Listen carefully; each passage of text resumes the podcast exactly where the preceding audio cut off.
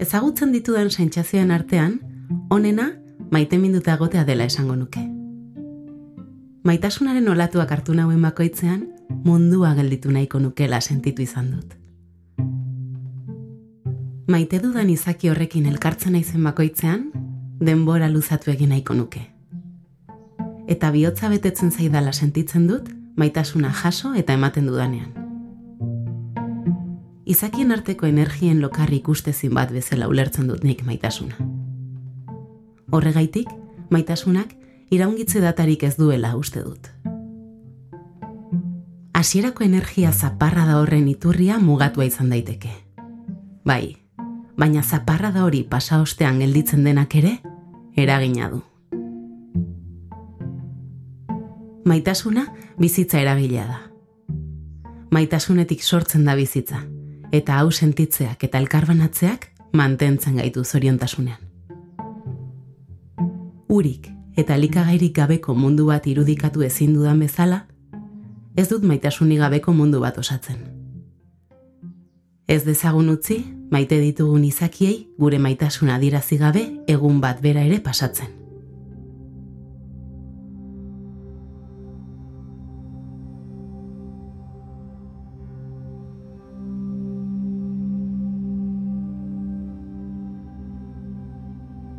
Naomi Mendizabal naiz eta hau da. Ongizaterako eta norbanakoaren azkuntzarako podcasta.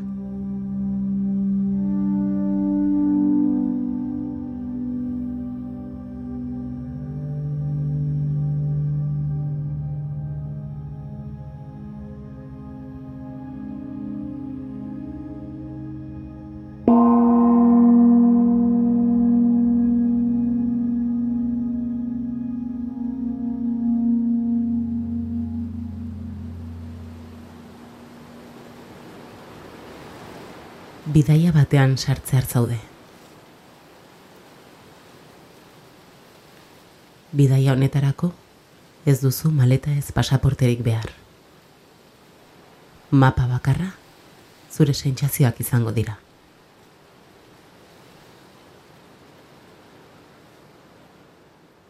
Hauek erakutsiko baitizute bidea eta zuk erabakiko baituzu noraino iritsi nahi duzun.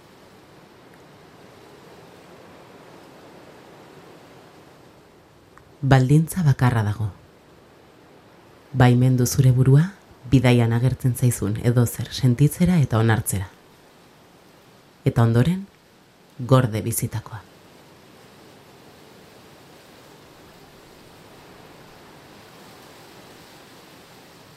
Pentsamendu, emozio, sentipen bakoitza, eskeronez agurtu eta jarraitu aurrera. Bidaiari hasiera emateko itzal ingurua eta itxi begiak.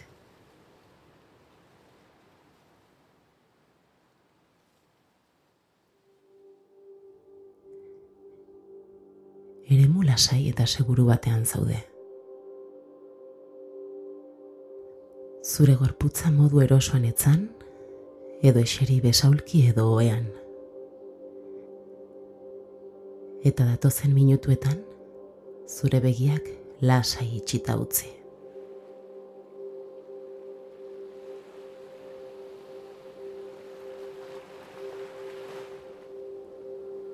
Gorputz fisikoa lasaitzeko, harreta gorputzeko atal bakoitzera ekarri, eta tentxatu eta soltatu gihar bakoitza.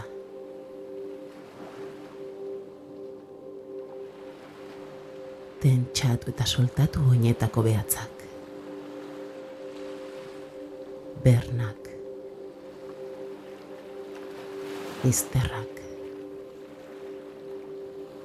ipur masaiak.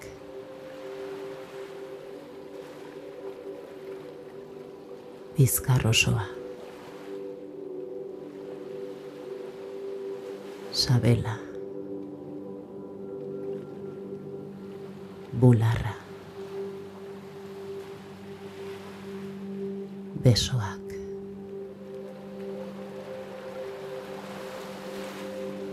Eskuak.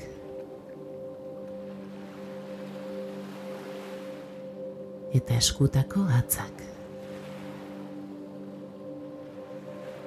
Sorbaldak.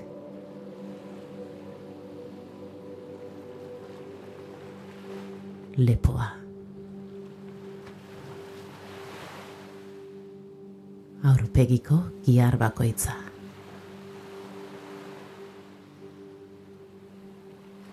Matralla, España, Aosabaya.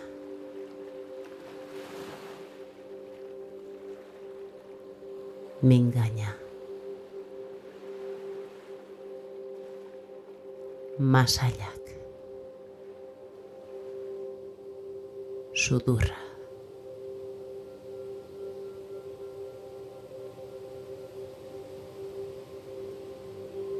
Sentitu zure gorputz osoa solte. Tentsiorik gabe.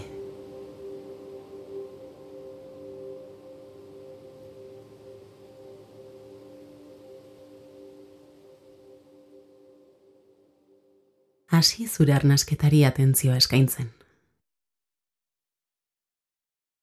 Sentitu zure gorputzean sortzen duen mugimendua.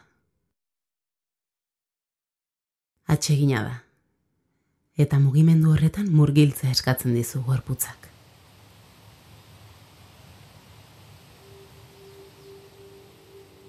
Arnasa hartzen duzunean, gorputza zabaldu egiten zaizu. Birikak bete egiten dira.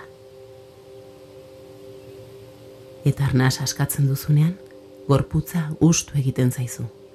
Birikak eta gainontzeko organoak lasaituz.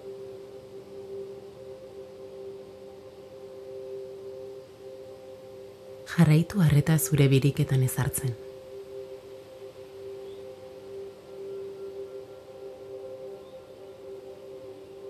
Sentitu, imaginatu, hauen forma aldaketa. Aditu gorputzen usten dizun sentsazioa.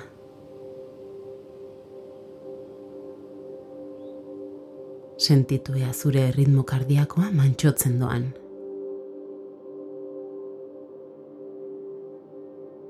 Arnastu eta utzi alde batera estresa.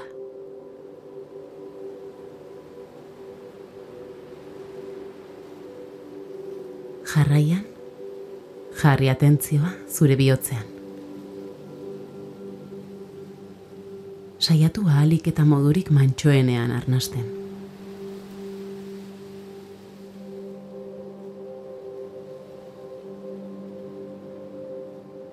Horrela, frekuentzia kardiakoa zabalduko duzu eta bihotza lasaituko duzu.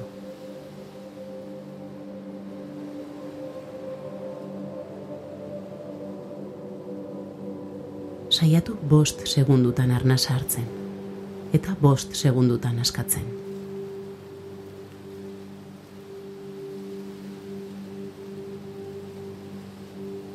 Hartu behar duzun denbora erritmo honetara iristeko.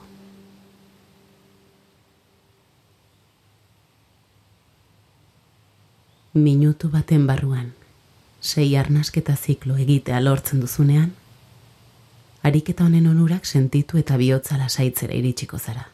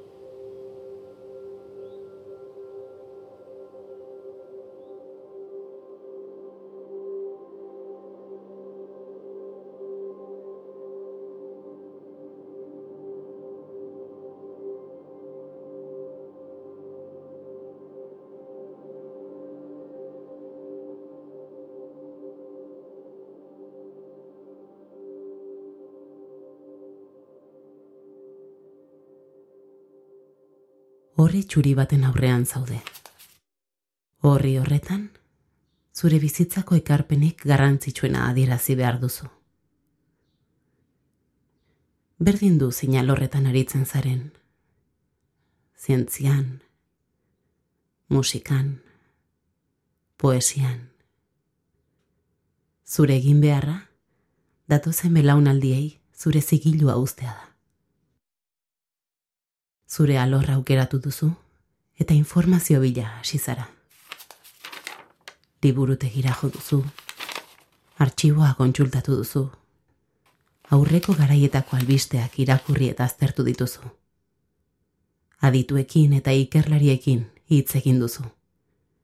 Eta berriz ere, horriaren aurrean jarri zarenean, isiltasuna. Utsa. Txurian gelditu zara.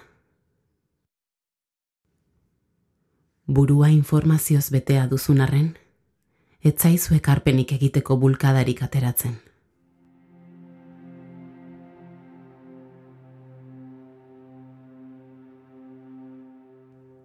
Zure buruari denbora ematea erabaki duzu. Bildutako informazioa guztia jalki dadin. Denbora horretan, zure alorra ze arrazoiren gatik aukeratu duzun pentsatzen jarri zara. Zenbat gustatzen zaizun alor horretan aritzea, esploratzea, ikastea, sortzea.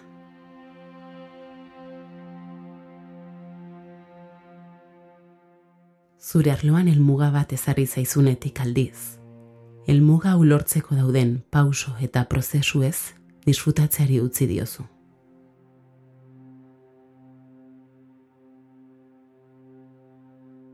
Honetaz jabetu zarenean, lehen inspirazio txinparta izan duzu.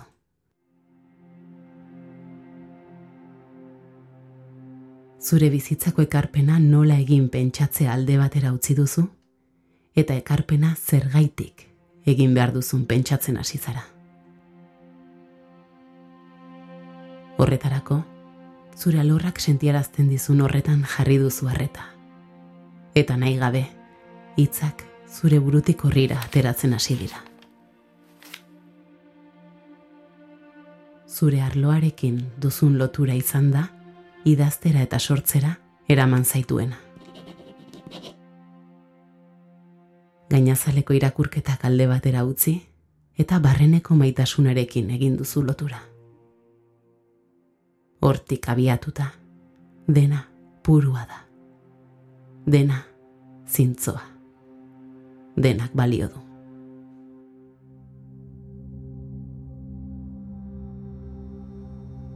Zure bizitzako ekarpena, zuk barruan duzuna ateratzen duzunean gertatzen da. Ez dago intelektuarentzako lekurik. Dena sentimendua da maitasunarekin gertatzen den bezala. Ez dugu erabakitzen nortaz maite mindu. Ez inezkoa da. Maitasuna barrutik datorren konexio batek mugitzen du. Maitasuna hor dago.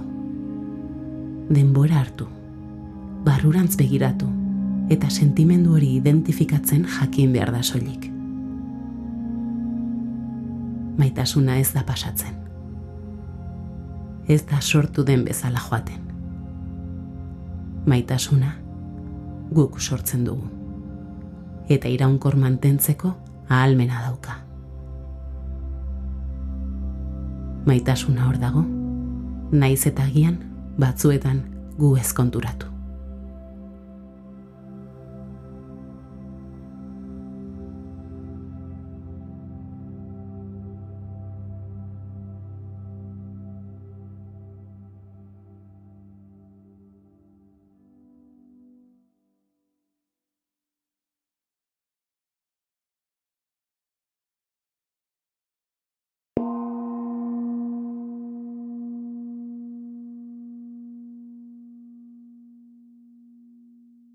Naomi mendizabal naiz eta urratxe izan da.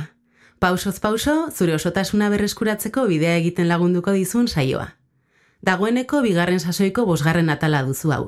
Eta gogoratu, EITB podcasten eta audio plataformetan eskuragarri dituzula orain arteko ale guztiak. Arpidetu eta zabaldu lagunen artean, oso lagungarri zaigu eta. Besarkada eta izan zoriontsu. Ei, txt, entzun hori. Ulu Media.